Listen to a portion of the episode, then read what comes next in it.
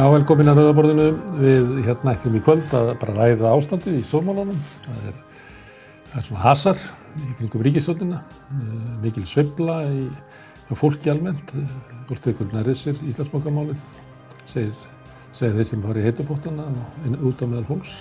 Ótrúlega hvað andófið, andóðinn á þessum aðgerðum ríkistjóninar, Bjarná og Bankasýlunar er útbreytt.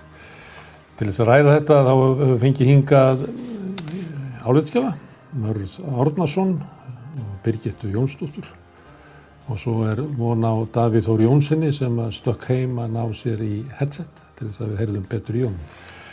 Herðu, en við erum sérst að velta þessu bara fyrir okkur. Hvað, ef maður byrja þér Mörður, hvað er þetta stór svona krísa? Ég er svona, minnst gaman að skoðanakonunum og maður sér sko meiri sveiblu núna heldur en maður séð áður. Maður sér sjálfstæðsflokkinu neðar heldur en maður var eftir runið, neðar heldur en maður var í Panamaskjálónum ég hef aldrei séð neitt nýslenska stjórnmálamenn mælast í aftíla og, og Bjarni Benediktsson gerir núna, það eru 71% af þjóðinni tristur húnum ekki. Ég held að þegar Nixon flög frá kvítahúsinu eftir að hafa sagt af sér að þá hafi 66% bandaríkjaman ekki tristunum þannig að, að Bjarni er er með lagri stuðaldur Nixon þá og þá voru 22% hérna bandaríkjamanna sem að tristu Nixon þótt að hann væri búin að segja af sér en e, það eru bara 80% íslendinga sem að trista Bjarnar. Hvað hva er þetta stór krísa fyrir ríkistölduna? Ég veit ekki, þetta er alveg rétt að sjálfstæðarflokkurinn hefur eiginlega aldrei farið neðar í, í könnum. Nú má segja eins og Bjarni gerir að, að það er hægt að að velja náttúrulega tíma fyrir kannanir sem er ákveðnum flokkum óhendur og, og það er auðvitað klart að það er það, er það hjá Bjarni en það hefur verið að því að þetta byrjaði þannig að það er ekki, ég veit ekki hvernig á að gera skoðanakannir þegar, þegar þetta stendur. Auðvitað býða menn núna kannski í þessu dæmi eftir galupkönnurinni af því að uh, þessar kannanir mæla punktinn en galupkannanir mæla meira, sé, mæla heila mánuð? Og þess vegna segja en, en ég verði að segja mörður að því að ég var nú að kynna mig sem áhuga mann um skoðakannanir að punktkannanir eru eiginlega miklu sniður í það er mæla bara afstöðuna á einhverjum tímapunkti.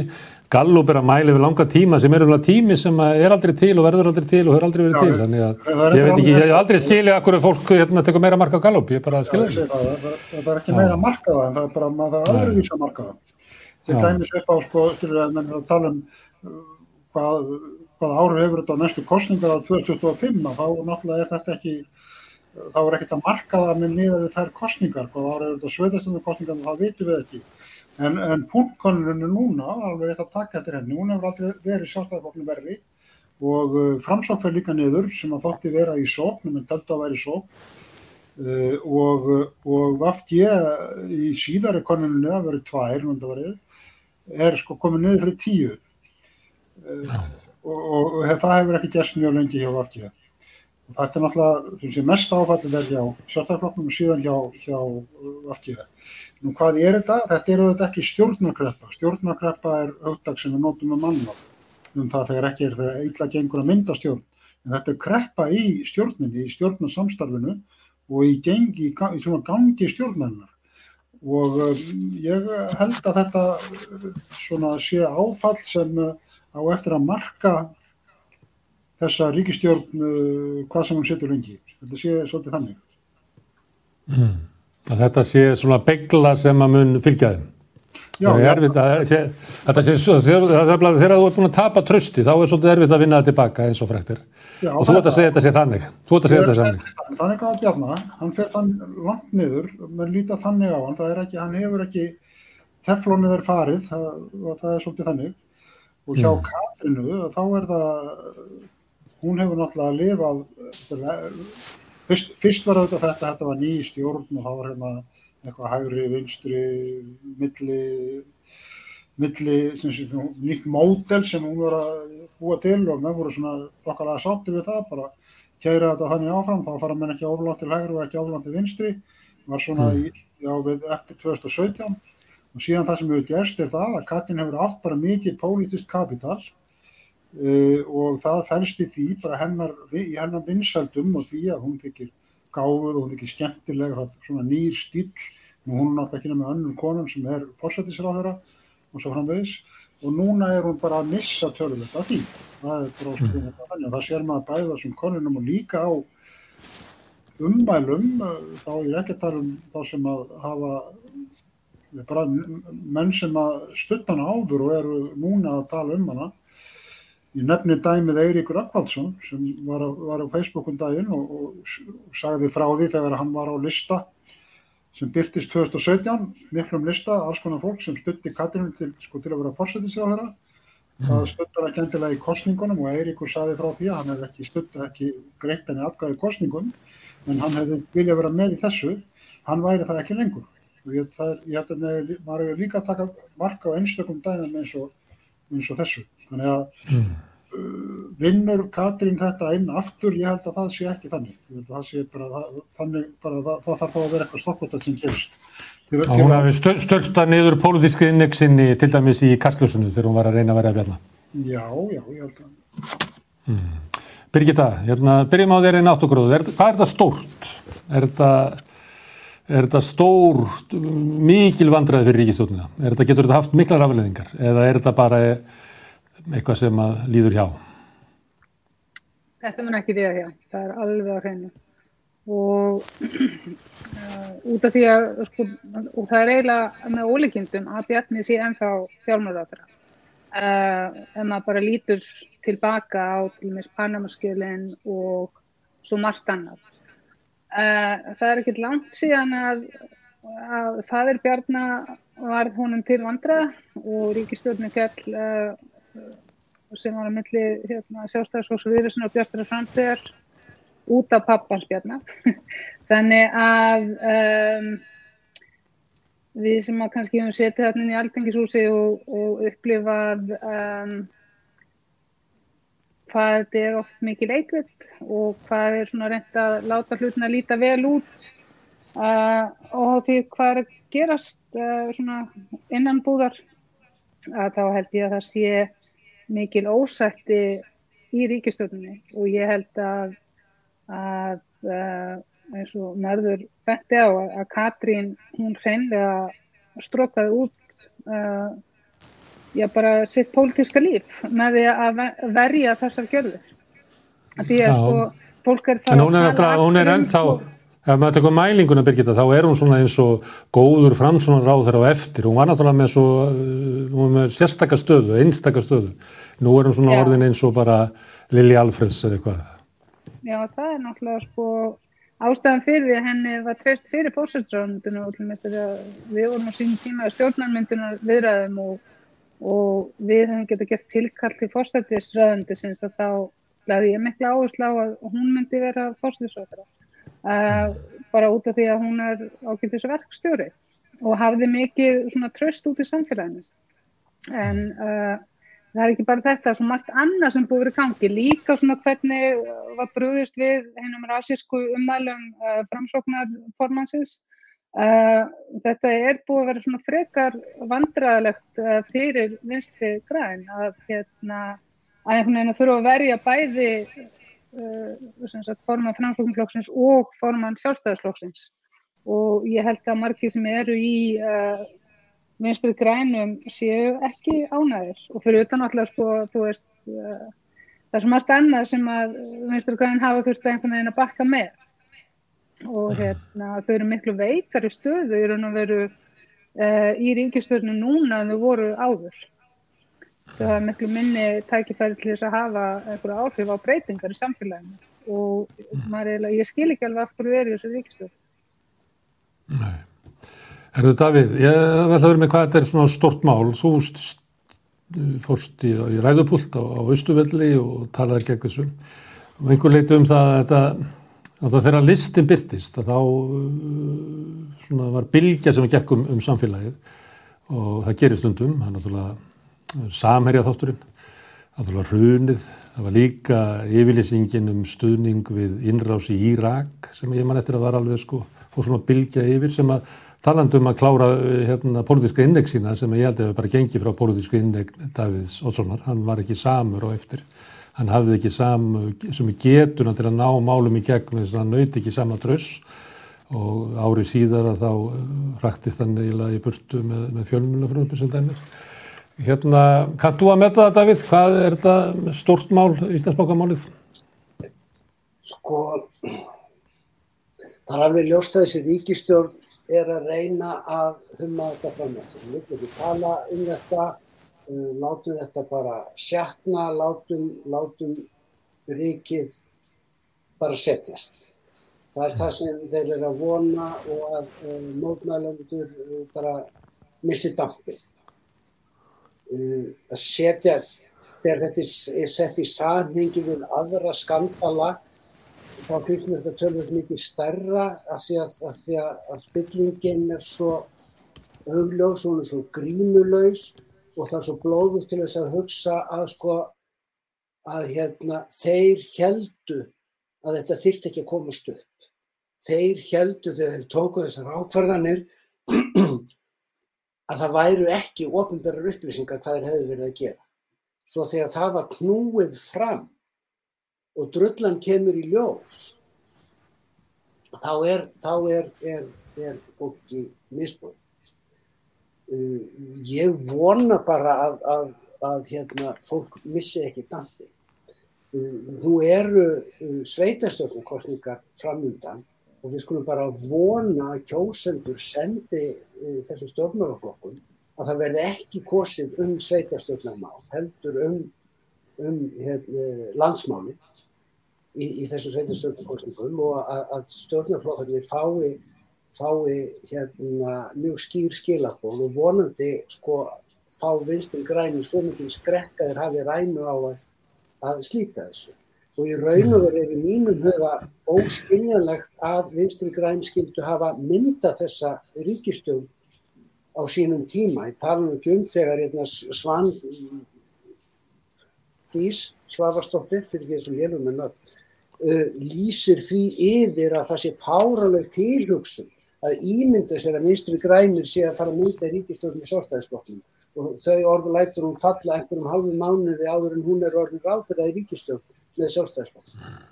Vegna þess að bara ef við skoðum söguna að þá kemur engin stjórnmálaflokkur nokkuð tíman ólaskaður út úr stjórnarsamstæðinu við sjálfstæðisflokk. Það er alltaf eitrað epplu í tilfelli sko, hérna Bjartar framtíðar, hreinlega banabiti stjórnmálaafs að ganga til, til, til samstarf við sjálfstæðisflokkin og það kemur alltaf stórlaskað út úr slíku, slíku samstarfi.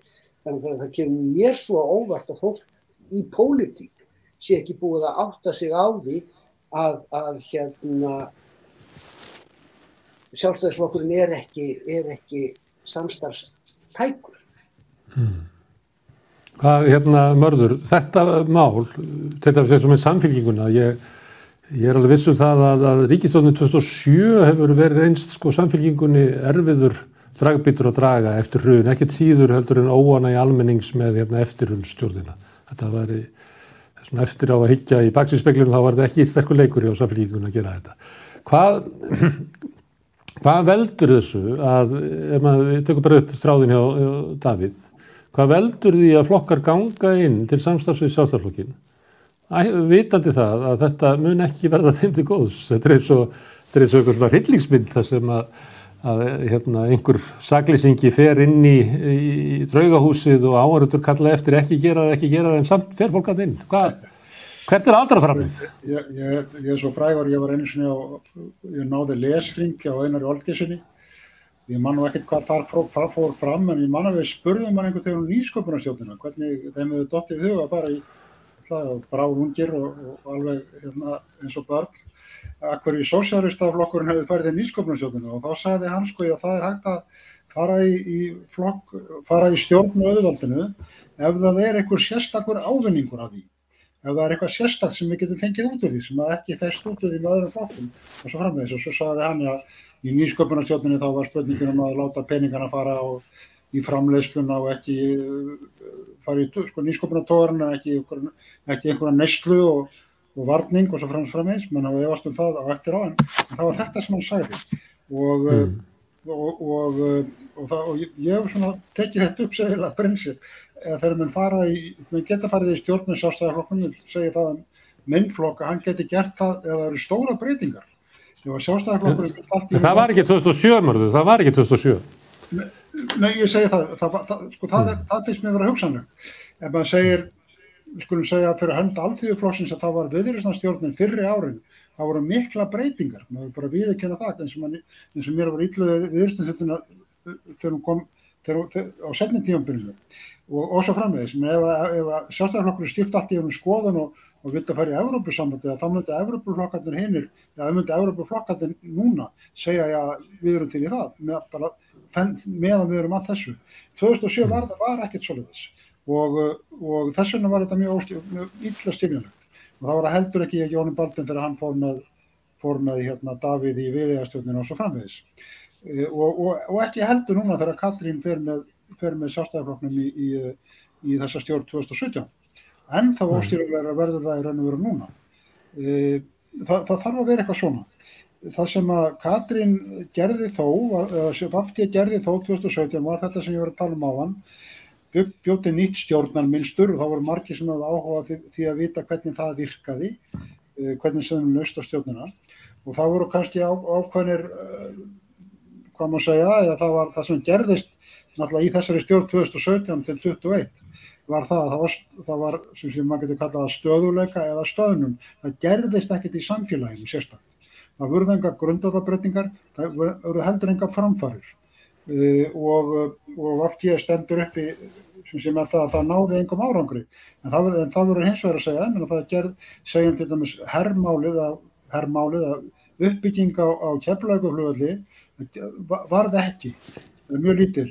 Uh, hérna, það var ekkit, það, var, það nálgað, nálgæðist ekkit Európusambandið, það verði ekki einlenda breytingar til dæmis í sjáurútismál, verðu, sér ég, það, það var ekki neitt. Og, og ok, þá var þetta bara, við erum búin að lifa við þetta í fjóður ár, en, en næstu fjóður ár, já, næstu fjóður ár þá segja menn, fyrstulegi, hér uppbygging í Keflavík er, er hafinn verulega mikil, álega óhá þessu úgræðina dæmi, uh, hérna, það er eh, sjálfbæði sjálfstæðarflokkur og framsvöndflokkur lögðu áherslu á virkjanir. Og sem undir einhverju lofslags yfirskinni lögðu áherslu á það.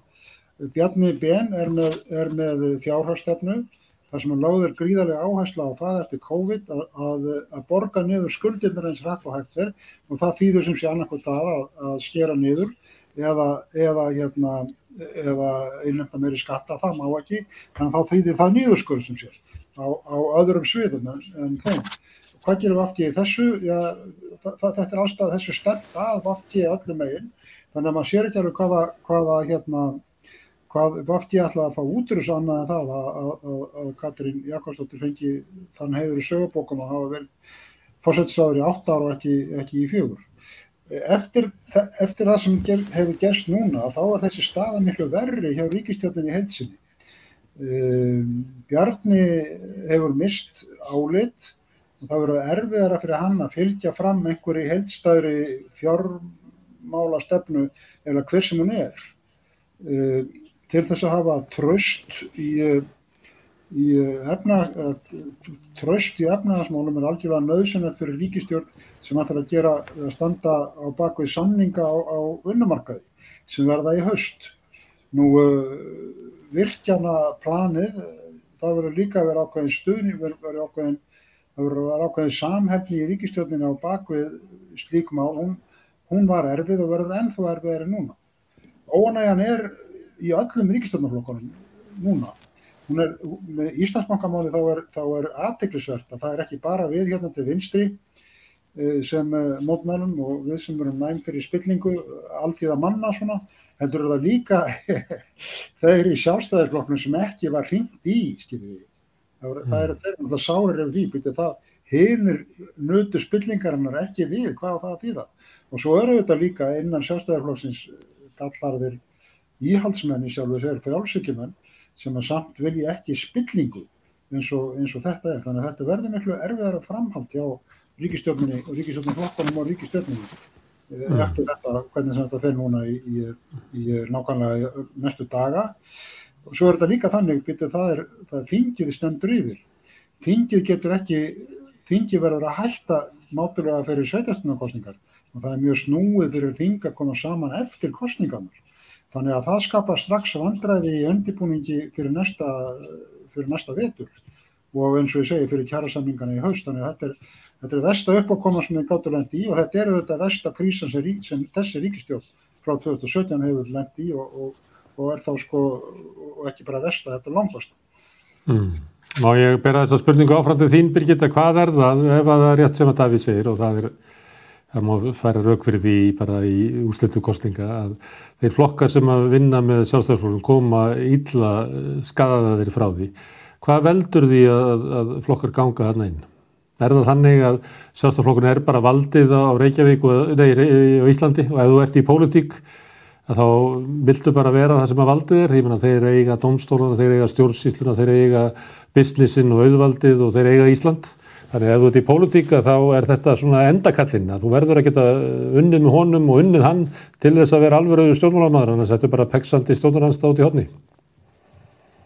Þetta er náttúrulega kannski eitthvað sem að sjálfstæðisflokkurum myndi vilja að, að við trúum en er náttúrulega bara algjörð kjáftæði.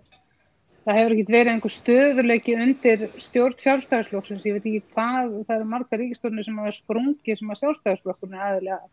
Þannig að það er bara rögg og ég skil ekki ég bara mér fyrirmunna að skilja af hverju fólk ákveður að fara í samstarf við flokk sem að er bara í raun og veru uh, ætti bara að fá að fá smá frí uh, mm. sagt, og, og flokkur náttúrulega fer sífælt mýtandi uh, og, og í raun og veru kannski það sem er stabulegast við þetta allt saman er eftir að hafa staðið ansi marga lögata út á Östurvelli og, og skiprætt alls konar hluti eftir sönir eða í söninu og við sem að vorum þar uh, einhvern veginn uh, lögum rosalega mikla áherslu á að díla við alla spillingun og við myndum læra eitthvað af þessu veist, þessum handlörum sem voru. Ég menna fólk er enna klíma við fjárhagserfileika og að byggja sér upp aftur eftir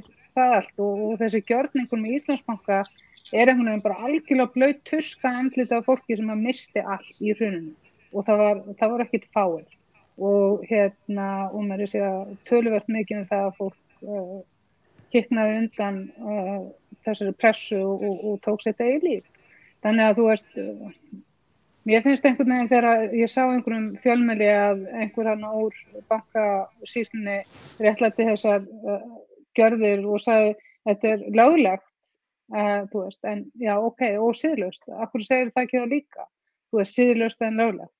Uh, ég veit ekki hvað maður rétti miklum tíma í að reyna að, þú veist, að við myndum koma með einhvern ramma sem að myndi fyrirbyggja að við verum aftur í þessu stöðu. Og það er bara þannig að eina leginn til þessu stoppi þetta er að við verðum að fá stjórnkerfisbreytingar, það er bara þannig. Það þýðir ekkert, þú veist, að halda að skipta einhverju máli bjarnabörst og hvað svo hver í staðin, uh, þú veist við þurfum að breyta uh, valdastruktúrnum og það verður að gerast með stjórnarskapbreytingu Uh, og hérna nú hefur það bara tekist að við erum ekki, við erum aldrei að fara að fá þessum nýju stjórnarskrá sem að byrja upp á nýtt á því ferli.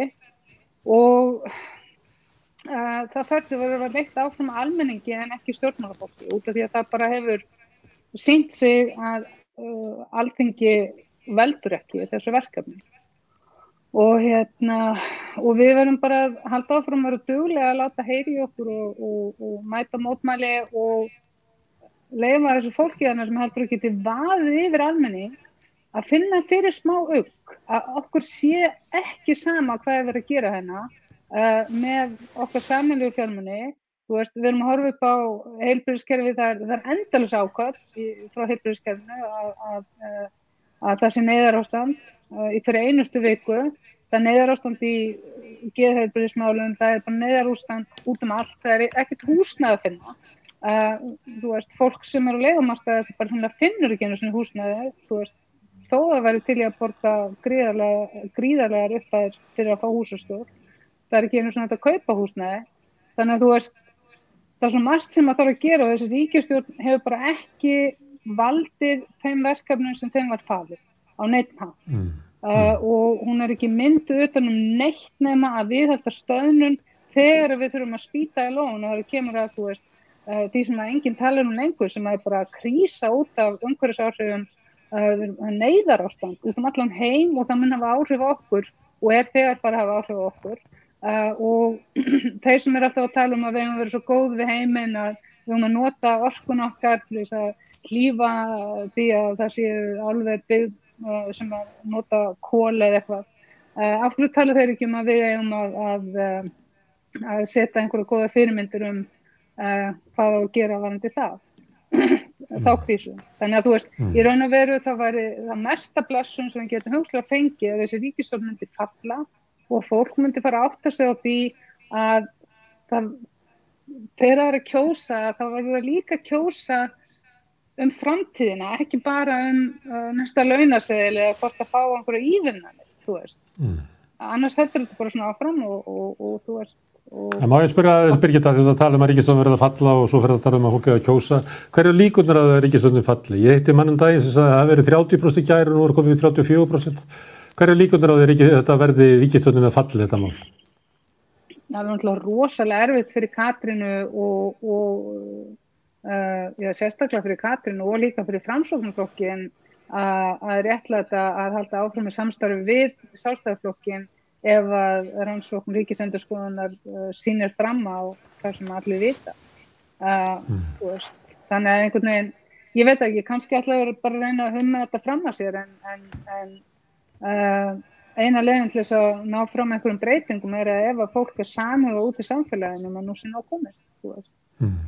Herðu, Davíð, ég ætla að fara að koma um spurninguna sem ég lagði að stað með frá þér um það hvað veldur því, þetta er næstu guðfræði sko, hvað veldur því að fólk gerir það sem að, að veit að getur skada sig. Þetta, þetta, þetta, á, á, á, kontur nú með svarið við því, hvað veldur því?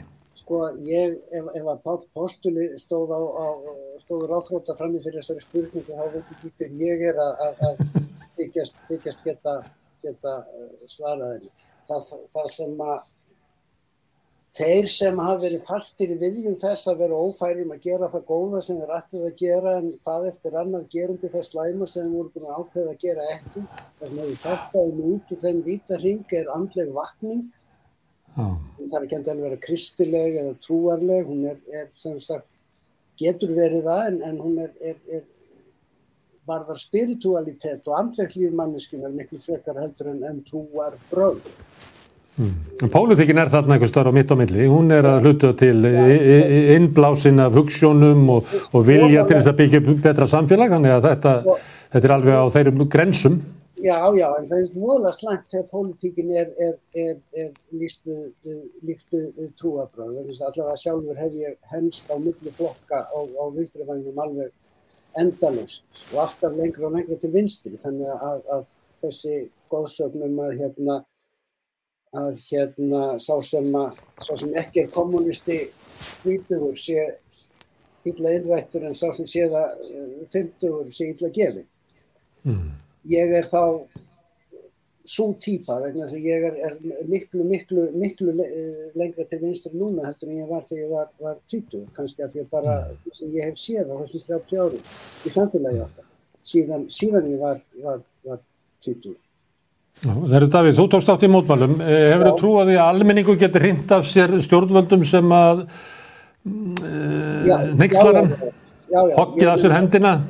við, við, við, við sáum, sáum það í hruninu að, að ríkistjórnin í alvöru held að hún gæti setja áfram með humma þetta fram að segja það voru óeirðir á austurvellu og ríkistjórninni var ekki stætt á öðru en að, að, að segja af sér og það var myndu skyndi neyðarstjórn af fólki Jóhannu Sigurðardóttir til þess að bara, þú veist, bara til þess að fólk færi heim og, heldi, og, og mætti í vinnun en var ekki út á göttu að berja saman pottum og pönnum og, og með, með óeirð þannig að, þannig að fólk getur byllt ríkistjórnir það, og það, hef, fólk hefur gert það hér á Íslandi.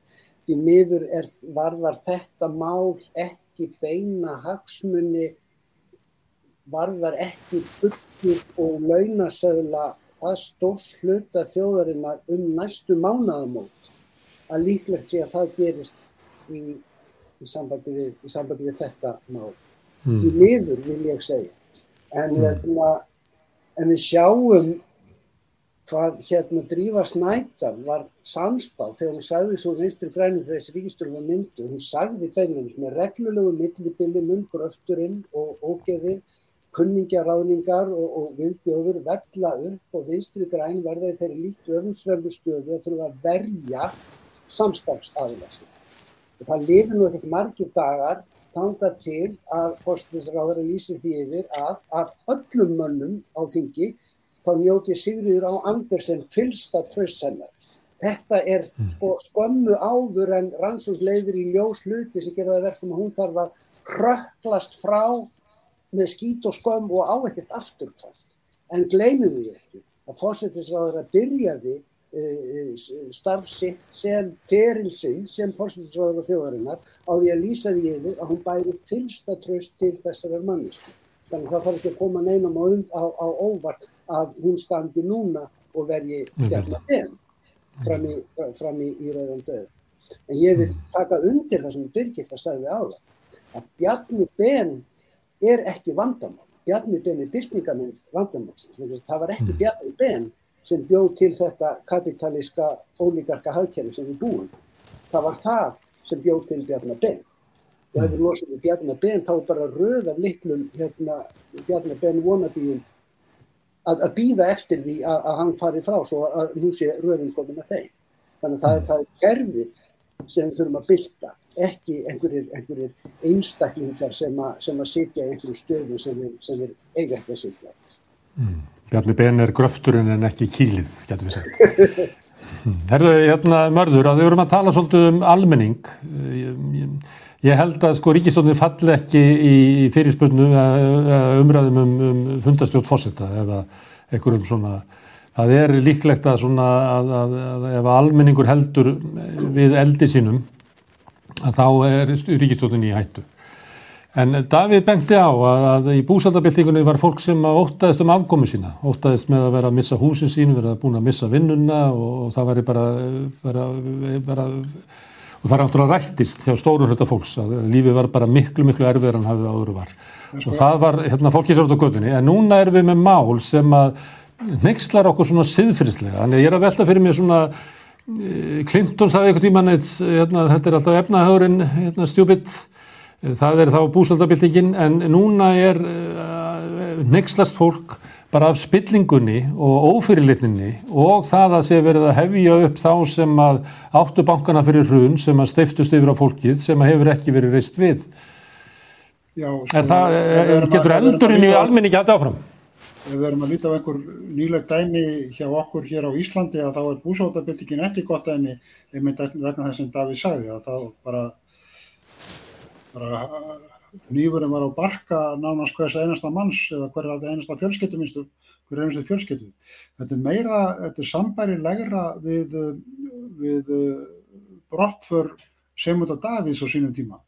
Þegar 2000 komið bæinn og, og, og Seymunda Davíð var það að segja af sér í vikunni hvernig þetta var nú með þessari frægu hrakför á Bessastadi og, og svo vitur. Þar var, þar var spurningin heldur ekki um, sé, þar, þar var hann ekki um, um um uh, brauð og, og, og hús heldur, um, heldur var siðferðilega spurning í þessu og, og náttúrulega beigðist líka á, á þessu á, á þessum harmleik eða, eða komendíur hundsins þar sem, sem ríkukallarnir sem sé sömur grættu og sömur og allavega voru það voru þeir sem kom okkur á hausinn sem sé í þeim málum þannig að það, er sambarilega ég veit ekki. Ég, ég, ég ég myndi ekki setja peningana mína þar á, sko, á uh, veðborðið uh, sem segir ríkistöldin frá á morgunin.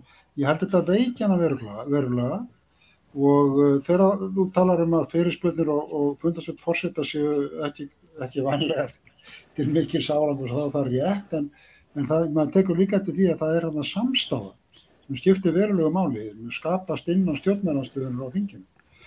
Og uh, mér sem miðflokkurinn eh, tekur þátt í henni og styrtir nú engum máli en það er fyrst og stað og þá samstöðu sér maður líka út á Östurvelli og í því til dæmis að, að fyrsti fundurinn var svona kannski pólitist svolítið þrungur á Östurvelli núna fyrir hvað var fremvikum eða svo. Og síðan hefur, hafa þeir fundið breykað og það koma fleiri og fleiri og fleiri eins og ég segi það, þetta er ekki, þetta er ekki bara vinstri mannamál og þetta er jafnvel ekki þeirra mál sem eru svona, telur sig svona alþýðu megin í lífinu. Heldur, nær þetta dýbra og lengra inn í, í þessa tvo flokka, framstofnarflokkin og, og sjálfstofnarflokkin. Svo veit maður ekki, hér, við erum ekki farin að finna fyrir því kannski ennþá en, en, það, en að því að fransku kostningarnar eru þeim er nýlokið, það sem, það sem kannski var hræðilegast við þær var það að, að, að það var stór hópur af fólki sem uh, setni í setni umfyririnu kaus ekki neitt, tók áhættuna á, á fassistanum Le Pen að því að líka ílaðið Macron.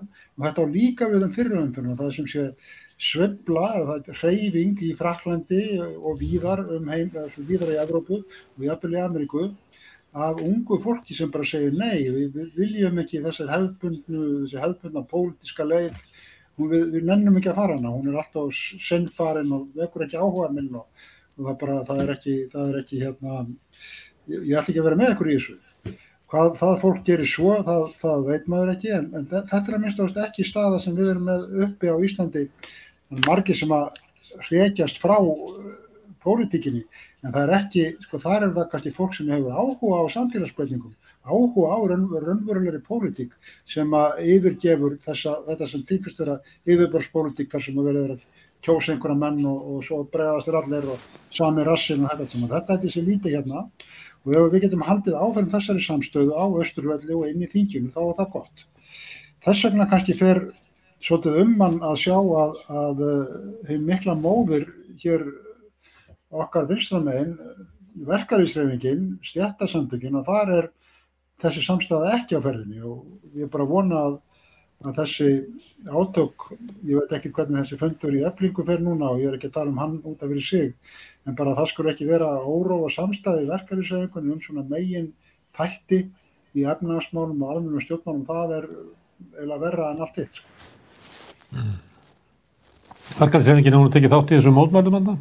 Og það sem er ólíkt við mótmælinn núna og í búsæðabildingunni það er alltaf eins og þú bendir á að þetta er eðlist ólíkt að það hafa verið kjörnum fulltrúar og fulltrúar verkefnsreifingin sem hafi tekið þátt í þeim já, já, það er mjög flott ég veit, ég veit ekki hvaða merkingu það hefur Herðu en uh, Birgitta uh, endursköpun stjórnmálana það er hérna uh,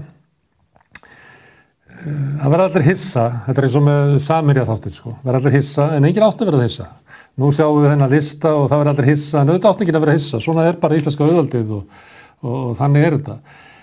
Hvað, þetta er svona skríti staða sko, að því að raunverulega þá vitum við þetta en svo höldum við áfram einhverju svona stjórnmála spjalli og tali það sem að er, hérna, að má ekki nefna Bruno, svo ég veit um einhverju tegnibit. Það er eitthvað sem að má ekki segja, en samt heldur bara umræðan áfram um ímiskuna mál en svo gís þetta upp bara alveg bara mjög reglulega. Hvað hvað er að? Ég, ná, ég, meina, ég man eftir einn skemmtilegsta mynd úr politík, er að mynda þér þar sem heldur á, á skildi sem þetta á Panama vegna þess að ríkisútvarpinu tókst ekki að fjalla um Panamaskjölinn í kostningu sem var bóða til út af Panamaskjölunum. Hvað veldur þessu svona tvískjunungi sko, sem er í almenn umræðu? Það staðistumálun okkar, spillikinn, er ekki dátt aðskil. Ég, bara, ég veit það ekki. Uh, veist, ég fekk nú ansið bátt fyrir árumarkið sem stöðust ekki alltaf kjósa pírata út af því ég var með þetta skildi. Mér var gjössan að misspöðu að það ætti ekkert að fjalla um Panamaskjölinn í kostningum sem að verður til út af því sem kom fram í Panamaskjölinn.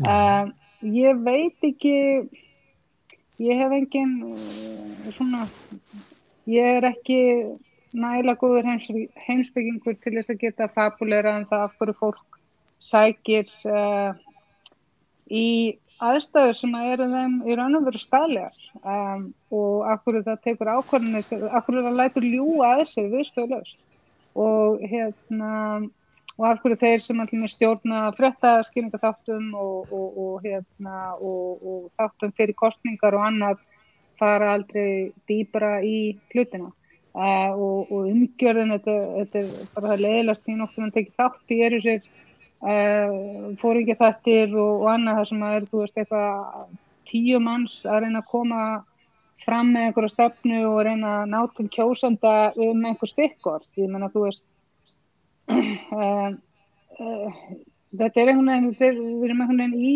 þannig samfélagi dag, þetta hefur kannski alltaf verið svona, en þú veist, við erum að fá yfir okkur svo rosalega mikið mann af upplýsingum í rauntíma og það gefst rosalega lítið rými fyrir fólk til þess að bara vinna úr, prósessa þessar upplýsingar og það er einhvern veginn bara veljar alltaf auðvendustu leiðina þó að það sé algjör torfæra að fara með fjallið sko, veist, það er bara skriður.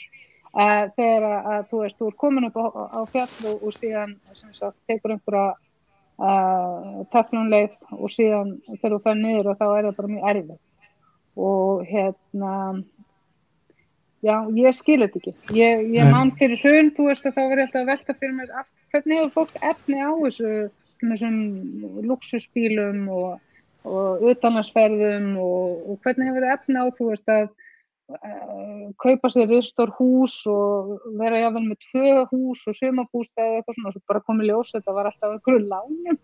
Og fólk verið að taka veð í ofta á tíðum bara neyslu, peninga veð í, í sínum hérna fastögnum þannig að þú veist ég, veistu, ég bara, ég, mér er fyrir mun að skilja hvernig, hvernig, uh, hvað fær fólk til þess að vera svona um, auðtrúa. Já, kannski, við erum smátt samfélag, við viljum hafa allt í lægi á okkur, ef við, svona, myndi okkur að við séum fjölskylda og við erum erfileikum með að horfast í augu við, það er til dæmis eftir hruna þá er komið ljós að Íslands samfélag er miklu spiltara heldur en, en fólk var til í að viðkjanna áður. Það er, það er svona ímislegt sem að sko fólk er til í að horfa í núna sem að bara var ekki til í að horfa í vegna þess að bara vildi ekki hafa svona hlutina. Þú sko þetta minnir maður bara... Mm. Þetta minnir maður það að ég man að um, ég átti vinn sem að pappans hérna, var alkoholisti og hann landi konuna sín alltaf sem helgar og þessast og hún var svona illa farin á sundeginum og allir þærri fætt og svo bara allt farið í etan og fylgdur í etan og fengið sér ís og þá bara allt glemt áfram. kannski þrá, þráði fjölskyldan meira það að vera normal fjölskylda heldur en að, að vilja fara í gegnum sársökan við að horfast í augu við að hverjum var. Það er bara, þetta er sömulegði mannlega en sko það sem er líka svo sjúkt við þetta samfélagi hennar er að við sættum okkur við það að ráð þeirra komast upp með að segja ekki af sig þegar þeir eru uppvísir um uh, sko stór, stórkosli afglöð í starfi og, hérna, og merkilegt nokk út af því að eins og ég sagði áðan ég menna fólk lítur svo ofta á sástæðarsklokkun er flokkur stuðuleikans það eru margir uh, dómsmálaráþarar sem hafa þurft að reykjast frá? Þú veist, dómsmálarandi er náttúrulega búin að vera bara í steik uh, síðan í kringum hrjón sko. Þannig að þú veist uh, þeir eru bara rosalega góðir í með, þetta gengur svo mikið út af auðlýsingamennsku og veist, þeir stíla alltaf upp á að fólk verður búið að gleyma öllu fyrir kostningar þannig að þú veist, það er einmitt eins og ég held að vera Davíð sem að nefndi að fólk ætti einmitt að sína aðeins hvað þið finnst í sveitismannakostningar mm. Það var gert, Davíð, það var gert hérna við Vafki 2018 það fór Vafki niður í 4,2% í Reykjavík Vafki er náttúrulega aldrei verið jafn stert í sveitastóttakostningum í Reykjavík og í þingkostningum en samt, veist, þetta er kannski bara þriðjungur, jáfnveg bara fjóruðungurinn af því fylgi sem maður myndi ætla. Þannig að flokknum var eh, kyrfilega refsað og nú samkvæmt skoðanakonunum sérmar það þótt að það séu flestar eiginlega áður en landsbókamáli kemur, það er ekki alveg komið, það var komið aðeins með með rannsismann í Sigur Inga sem var komið fram þar. En þá sér maður að Vafki er bara dottið niður í ykkur 5% og svona þannig að greið fólki sem er að bjóða fram fyrir Vafki mun aftur verða röfsað en það hafði engin árif á landsmálinn eða Vafki árið 2018 ég held að lífa verið kent um þetta, hún hefði ekki staðið sér nú vel. Já, ég vildi óska hérna að ég kynni svör við þessu. Það er eins og þau séu að hérna eins og Birgitta segir, stóla á, á hérna að fólk missi dampin, að fólk gleyma þessu, borgarstjórnarkostningar eða sveitarstjórnarkostningarnar eru óhaupunum tíma, það væri slæmt fyrir Vafki að ná ekki inn manni í borgarstjórn í Reykjavík, en það er ekkert sem að Vafki út af fyrir sig líður ekki af. En ef að Vafki er eftir næstu alþingiskostningar dvergflokkur með 2-3 þingmenn, þá er það kannski einhvað sem verður til þess að þar innanhús verður, verður, verður tekið, tekið til hendinu. Uh, í sambandi við, í sambandi við sem sagt fjölmjöla líka er að það er nýtan sem fjölmjölamenn vilja halda að áhörvendum eða að, að neytendum að þeir séu bara að sína raunveruleikan eins og að með sem að þeir eru náttúrulega ekki að gera vegna þess að, að horfa út úr glukkan hjá þeir og þá séu við raunveruleikan eins og er. Þeir eru að pikka, þeir eru alltaf að velja og hafna og þeir velja ekki einhvern svona þverskuð til að sína raunveruleikan eins og er, heldur velja það sem er sexy, velja það sem vekur aðtili, velja það sem fólk hefur áhuga og þess vegna er þú veist, hvað veit ég, uh, kottur upp í trí eða, eða hundur sem að ratar heim til sín eftir að hafa týnst hinnum einn á landinu, miklu starri frétt heldur það að fólki sé misbóðið af einhverju, einhverju spillingu. Uh, þannig að við þurfum sennilega líka að hérna að, að átt okkur á því af hverju, af hverju var ekki fjallað um Panama skjölinn og hvað það þýðir að allt inni kemur í ljósa að, að leiðtóðar okkar á samt auðkýfingum og, og leiðtóðum landa sem við viljum ekki ber okkur saman við eru að fela stórfjö í, í erlendum skattaskjólum. Og hvað gerist? Maltnesk bladakona er myrt og svo halda bara allir áfram að láta eins og þetta hafi ekkert skeið fjölmiðlar, ég, ég vil meina að ábyrgum sé, sko, það eru fjölmiðlar sem betur fer núna að reyna að, hérna, að grafa þetta að halda þessu á lofti, vekja, vekja aðtiklega á þessu, en þegar þú ferð inn á þessu svona meginströms fjölmiðla, að þar eru sko hérna miklu, miklu, það er miklu líklegra að þú sjáur einhverja fréttum óhörnulegt morði í Ohio fyrir 14 árum heldur en um spillinguna sem er að grassa það fyrir framann nefið á þér hér og nú. En þess að súfrétt er, boring, hún er, hérna, hún er ekki spennandi. Þú, hérna, ef þú hefur einu og hálfa mínútu til þess að surfa fréttir dagsins, þá viltu miklu frekar lesa um hérna þotluðu stúrkuna sem fekk fórsturfórumbrænum frá helviti í Ohio fyrir 14 árum heldur en, heldur en um hérna hvað Bjarni Ben er búin að stela mörgum miljörðum úr ríkiskassan. Norður, vilt þú tala um þetta um, um fjölmiðlarskipta máli, það er svona samræðu vettfokkurinn í samfélaginu.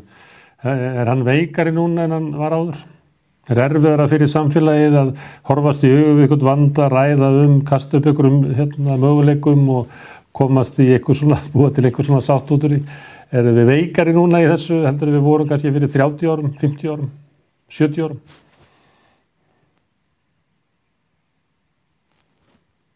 Og uh, það er ekkert að saka fjölmið, það var fjölmið sem að bjóð til, eða fjölmiðlar sem byggur til bæði vindrismálið og, og, og svo samverja skandalinn í Namibíu. Þannig að uh, ef að fjölmiðlar reyna og ef þeir eru með áhugavert mál og ef þeir eru, sem sé, þeir eru látnir í fríði eða leift að gera það sem þeir vilja gera, bladamerindir, þá er ég að tala um þá að þá geta þið það ennþá. Já, þetta er oft svona bara eigur þar sem kemur ykkur mál en kannski það sem er vanalegi fréttum og í svona vanalegum umræði þáttum, það er allt ennur ella, miklu svona settlegra og borgarlegra og alltaf verið að sannfæra okkur um að allt sé umlega í lagi, sko.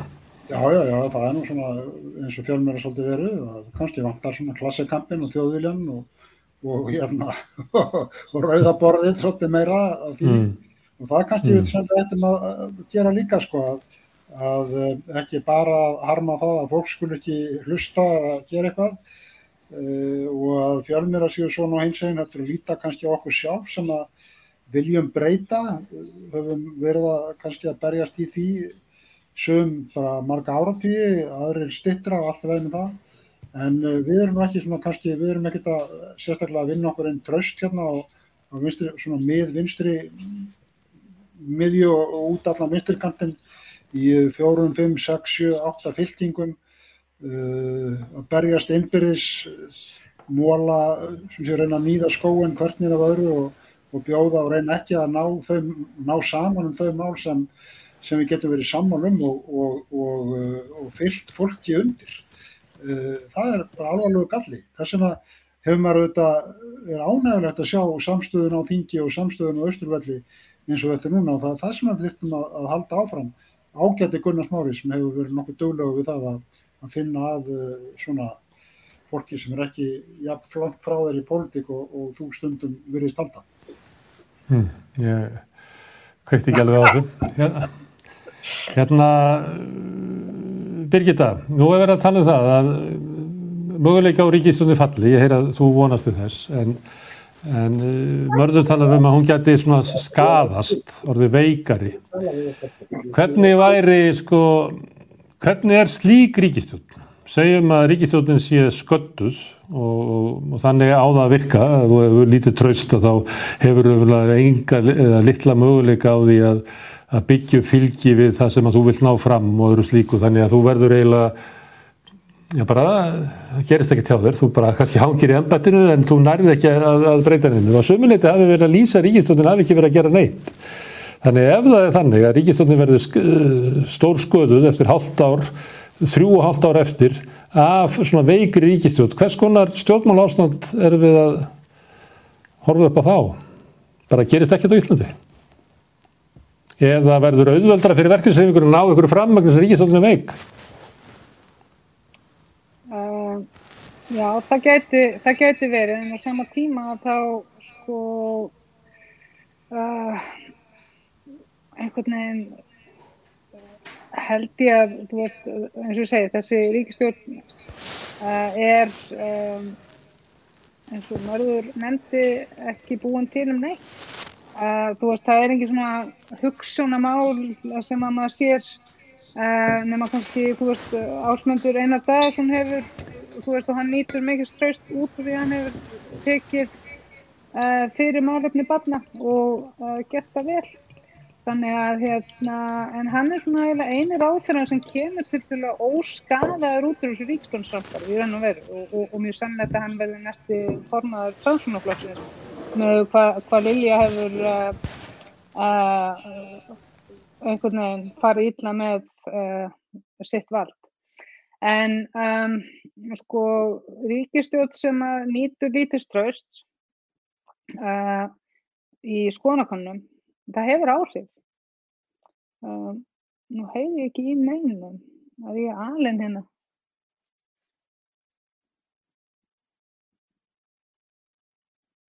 Ég ætla að halda bara áfram að tala. Ég hefði þér. Já, ok. Uh, sko ég man eftir því, uh, fólk segir alltaf að það er ekkert að marka skoðanakannir og það, þú veist, maður bara að býða fram að kostningum og, og eitthvað svona, en ég man eftir því hvað dýnamikinn breyttist mikið inn á þingi þegar píratar voru trekki trekka mælast yfir sjálfstæðarslokkin. Það, bara, það var rosalega óþægilegt fyrir uh, sjálfstæðarslokkin að píratar sem voru ekki til voru að mælast með meira fylgi skoðanakonum og þeir og e, þetta, breytist all e, völd eru svo skríti fyrirbæri. Þannig að breytist all svona viðhorfin og, og dýnamíkin með skonakonum, það er bara þannig það er alveg saman hvað þú segir, það er bara veruleik þannig að þegar að sjálfstæðisflokkurinn og Bjarni Beni þannig að njóta svona lítist tröst í samfélaginu, það hefur áhrif. Það er alveg bara öru Hvaða áhrif, Birgitta, svo ég skilji, hvaða áhrif getur það verið? Það hefur það áhrif að það tekir minna marka á hannum Uh, hann hefur minna vægi uh, innan ríkistjórnarinnar uh, að hann hefur ekki eins mikið slagkraft innan ríkistjórnarni, það er alveg á hreinu. Og náttúrulega bæði út af skandalunum sem hann tengist, ekki bara þessum heldur öðrum. Og hans flokkur hefur búið ábyrg á meiri óreiðu í ríkistjórnar samstarfi en nokkur annar flokkur síðan árið 2000 það er ótrúlegt. Og hérna, ágætt ef einhvern myndi bara taka það saman til að sína fólki fram á að, að, að þetta er ekki flokkur sem er hægt að treysta á þegar að virkilega reynir á. Og við erum að fara inn í töff tíma, það er bara þannig, þú veist að það er alltaf hætta, þú veist bara hvers skipt sem að fyrir út í maturversluna þá er matarkarfan dýrari. Og hérna ef fólk á litla peninga að þá bara hefur það mikil áhrif á uh, að lifa af og hérna, mér finnst mikilvægt veist, að ef að fólki misbýður það sem er í gangi núna með Íslandsbanka og það kemur ekki við pingjuna höður en það hefur þau áhrif að uh, við erum að halda áfram inn í spillinguna. Ef við leifum þess að gerast, að þá erum við að góðkenna að það sé í lægi að það sé löglegt uh, en síðlust. Uh, og hérna, þannig að, að, að Bjarni Benediktsson, hann þarf bara að, að víkja, þó að hann sé ekki alveg vandamáli, þá þarf hann að víkja og þú veist, ef að, Katrín og, og, og er ekki tilbúin til þess að slíta þessar ríkistjórn, frátt fyrir allt, uh, þá gerir það fyrir hún raunir kannski að mynda einhvers konar minni hlutastjórn eða eitthvað, þú veist, ég veit ekki, en, en, en það væri lang náðarsamlegast fyrir þetta fólk ef maður myndi bara viðurkenna að það er komið út í hopp og það er ekkert annað stöðunni en að búa til kostninga. Það er bara þannig. Þú getur bara verið með samliða kostninga með sveitur svona kostninga. Mm. Aðeins má ég koma við hjá þér mörður að þú er að tala um minnilutastjórn, er það sem að menna að vera að kasta á milli sín minnilutastjórn framsóknar og vafki með stuðningi pírata, samfélkingar og eitthvað flokksólsins eða viðreistnar. Er þetta raunveruleg möguleiki? Hósið höst eða eftir ár? Ég bara veit ekki, ég held ekki, ég meina ekki, ekki að herris mér á Katrínu, hún var starf bara ekki síðan í gær eða hvort það var í morgun að, að lýsa yfir fullu trösti á Bjarnar Bendisson. Það, það er bara þannig sem hún ætlar að gera þetta. Það er ekkert, það voru, var ekkert hík á henni svona fyrst fannst, mér, fannst manni. Hún var ekki mikið að tala við fjölmiðraðan nema um einhver alveg mál, eh, menningamál eh, austur í sveitum eða eitthvað. Og, og, eh, og síðan komum við upp þetta mál með Lilju sem var skrítið, voru mistök af hálfu fórsæðistráðar sem að gerir yfirleitt ekki mistök. Katrín gerir ekki mikið á svona mistökum þegar hún sagði þegar Lilja kemur með þessa gaggrinni og Katrín svarar því með því að það sé engin bókun á nefndarföndurum og uh, síðan líður á býður og þetta hátti mjög sérkennilegt sko og fórsæðistráðar að segja þessu og með að tala svona um bókanir og gildi þeirra og, og hefði kringu þær og svo kemur allt í raun núna í dag eða í kær svo yfirlýsing að þá hafa ekki verið neinn bókun, segi Katrín, og þá var alltaf klart að, að það voru svona, það voru skipta skoðanir í þessari nefnd, ráþæra nefnd sem umrætti. Þannig að það þarf hún að bakka vegna þess að hún gerir það mistök. Uh, hún, hún eins og að stiður sem sé uh, Bjarnar Ben núna, hún ætlar að, ætlar sér að halda þessu áfram og, og, og það er ekki, ég held að sé allt og snemt að fara að tala um eitthvað sem hún kynni að vilja gera annað. Þrýstingurinn er sem sé ekki ennþá orður nógu mikill og ég er ekki vissum að verði það á, á sko, við ríkisöfnaborðið eða í, í þinghúsinu. Maður veit samt ekki, það er eins og ég segi, að, að ónæðin er ekki bara almenn hjá svona fólkinu, þetta nær hún djúft inn í báðu flokka og það er, og það er svo ónæða sem þetta skipt, sem, sem þetta nærist á henni fyrirgefi sem að þetta, sem sé, í blandið þá óanina hjá almenningi sem gæti að lokum breytt einhverju. Allavega, þetta sé bara nóg fyrir okkur í byli að, að, að Ríkistjórn Örsson sé veikari en það var, fórsættisráðurann er, hann hefur minna pólitísk kapital en hann hafði, Bjarni er svona eins og mann bara er svona útleiðarlikt einhvern veginn á Bjarni Bendisinni, hvernig sem það gerist Og þá er þetta spurningin sem sé hvað verður um ríkistjóðinni í framhaldinu, hún lendir í vandraði með þessi fyrirheit sín, eigin fyrirheit, hvað allar hann að virkja, allar hann ekki að virkja. Hún er ráða styrk til þess að fara í það sem hún sagði að væri sko hún ætla ekki bara að virkja meira heldur náttúrulega hún sko að endur, alltaf eiginlega flega ramma á þetta. Það er hans sem mikið, maður þarf að vera mjög ákveðin. Við erum með tröstan meirluta og, og allir ákveðinir í því að, að taka, taka svona, ákvarðunir í, í, í, í svona málum. Ég er ekki vissum að GFG standi stað eða, eða heinir Bjarni og, og Sigurður Ingi hafi kraft í það. Nú það, það, er, það er höstið, það er, það er verðbólka, það er dyrtið sem sé eins og, eins og Birgitta sagði. Efnaðarsmálun er náttúrulega í stiliði að það er, er ekki, ekki storkosett ástand í efnaðarsmálun en það er ekki nógu gott ástand fyrir ríkistjótt sem að fara að geta lagt eitthvað fram í kjara samningum í eftirst og þá þarf líka sterkar ríkistjórn sem að gera það þannig að þessi sigling verður miklu miklu erfiðari. Þó að, þó að, hún, held, að ég held um fallinu ekki næstu daginn þó að það verður vissulega skemmtilegt. Mm. Davíð, það er fórustu kreppa í tveimur allavega af ríkistjónarflokkonum það er Sigur Ringist þetta veikt það eru tveir kandidata til þess að vera formaður Birgitta var að leggja til ásmund einar en það er augljóst að Lilja vill líka vera formaður Það er fórhunds að greppa í, í sjálfstæðarfloknum. Uh, Mörður segir að það sé svona útlíktarleið líkt af Bjarnar, hans var leiðin út. Hvað gætu við séð það, að það er því skipt bara um fórhunstu? að Lilja eða Ásmöndu takki fransunarflokkin og Þórtís Kolbrún er því formaður sjálfstæðarflokksins fljóðlega? Sko, ég aftur er svarið, ég, ég veit það ekki og ég held að það skipti ekki máli. Þegar ég sagði að Bjarni Ben er ekki vandamáli þá myndi ég ekki að Bjarni Ben ætti ekki að víkja og sæta rannsókn á gjörðum sínum. Fullkomlega, ég menna annarkort skrifaði hann upp á að selja á undirverði eigur almennings inn í sín eigin föðurarf eða ekki var staðið að lögum við bankasöluna. Það er enginn þriði möguleiki þarna í bóði. Annað hvort þessara, annað hvort gerðist og það, það þarf að fást á hrein. Þannig að Bjarni á að víkja. Það hvaða andlit við setjum á þetta grámiglaða kerfi sem við búum við skiptir voðalega miklu máli. Hvort að, hérna, hvort að ég, það, það mun ekki breyta neinum eðli uh, framsvöndarflóksins hvort að ásmundur eða Lilja verða næstu formað. Það mun ekki breyta neinu um eðli sjálfstæðisflóksins, ok, jú, ef að Brynjar Níelsson er við næstu formað, þú veist, þá, þá, hérna,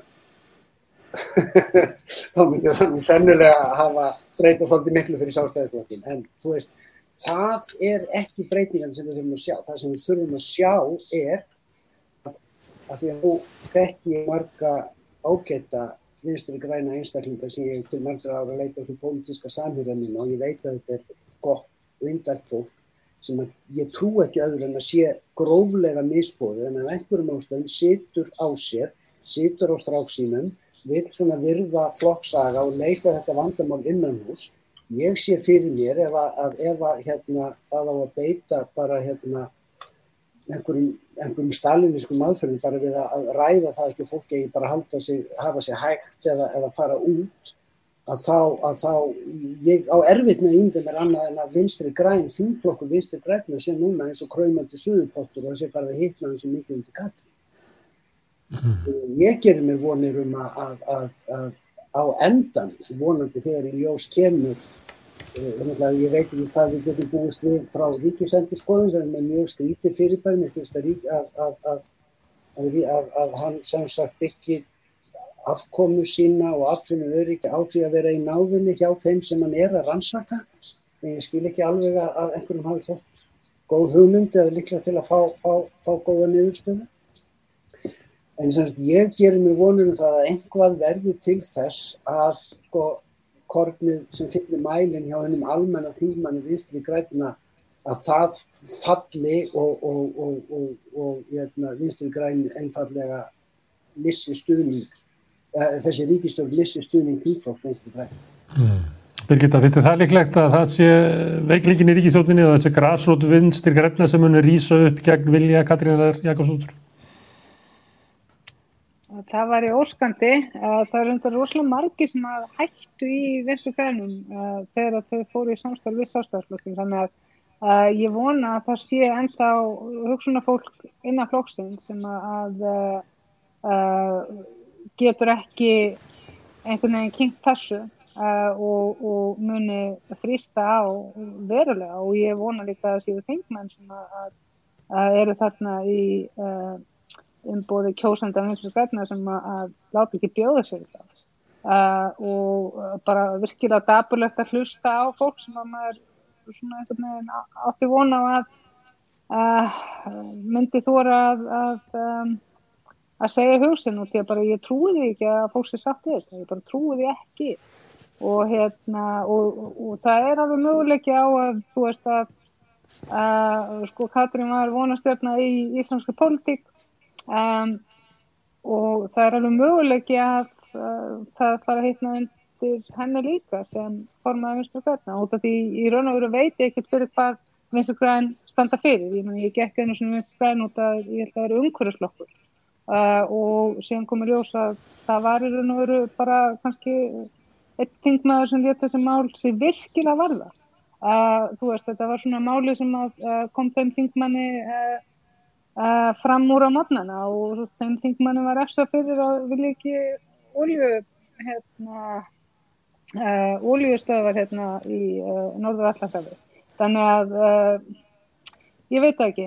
Ég, ég veit ekki sko það er eins og ég manni sagði þetta við Jónu Sigurðardóttur þegar ég var til til að nýkomin að og að vera að gera eitthvað svona rassakaup ég sagði bara hvernig er þetta þegar maður uh, kemst í valda? Missi maður, uh, þú veist allt síðferði og hérna út af því sönd má ekki gera neinn rassakaup með. Maður verður að hafa einhvern prinsip ef maður eru stjórnmáli og mér finnst bara vinstu græn vera orðin algjörlega prinsiplaus flokkur, gjörsamlega. Og það er eitt sem ég langar að benda á að núna þú veist þetta er svona veikleikar og brestir og eitthvað svona að þá verður það þannig í ríkistunni samstörnu að það verða rosalega hrossakaup í gangi, þú veist uh, og líkinn að þingi. Þannig að ég, ég held að uh, fólk ætti að fylgjast með hvað málur að fara núna að klára slímis þessu uh, þingi.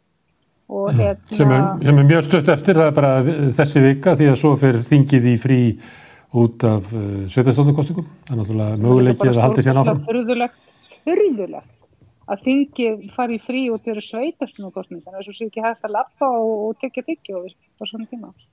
Mm. og það neyðar það. Mm. það er að díla við þetta. Og að, sko, ríkisendurskoðun á ekki og þeir ekki sko hafnaði að taka þetta og, og krefast þess að vera sett sérstök rannsóknum út af því ég man eftir því í hruninu og eftir og meðan ég var að þingja þessi átt ár að ríkisendurskoðun var verulega undir fjármáknuð, hún gæti ekki almenna sendt sínu hlutverki og, hérna, og núna hafa komið ljós uh, bara verulegir annmarkar út af því að það er verið að kjósa nýjan uh, forman eða framkvæmdastóri eða hvað það heitir, eh, þessi títill uh, mannesna sem á að vera yfir þessari stofn og, og hérna þannig að mér er fyrirmun að skilja að hverju geta að koma á uh, sko sjálfstæðu rannsóknarapparati sem færi bara strax í þetta, þetta er ekki droslega flókið sko, og við veitum alveg svarið og, og, og þess vegna þarf björna vikja Já, og svarið er það að, að þeir sem að fara með mest völd í þekkur samfélagi vilja ekki hafa eftirlit, vilja hafa, geta bara haft þetta eins og þeir vilja leitt býst yfir.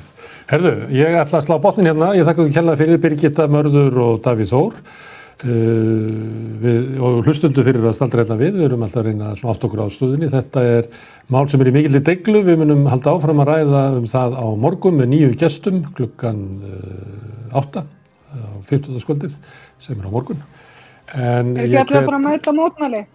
Já, svo hveti fólk til þess að já, það eru mótmæli í, á Östurveldi klukkan 14, það er þetta byrjardaskráin svona half, uh, tvö Reykjavíkudætur ætla að hitta upp Östurvöll og það verður uppistand og hundur í óskilum kemur og það verður svona matskritið og svo verður það hörkur ræður líka en það er líka fundur á Ráðustorkinu á Akur, Akureyri þetta er er að breyða úr sér mótmælinn hérna í Reykjavík. Hveit fólk til að mæta þar og fylgja svo með þættinum hérna morgun á klukkan 8 á Jörgðarborðinu. Þá munum við fá fleira fólk til þess að reyna að ráða í hérna pólitísku stöðu og ekki kannski sístum þáttöku almennings í pólitíkinni hvernig, hvernig fólk getur haft árið á samfélagi. Takk fyrir mjög.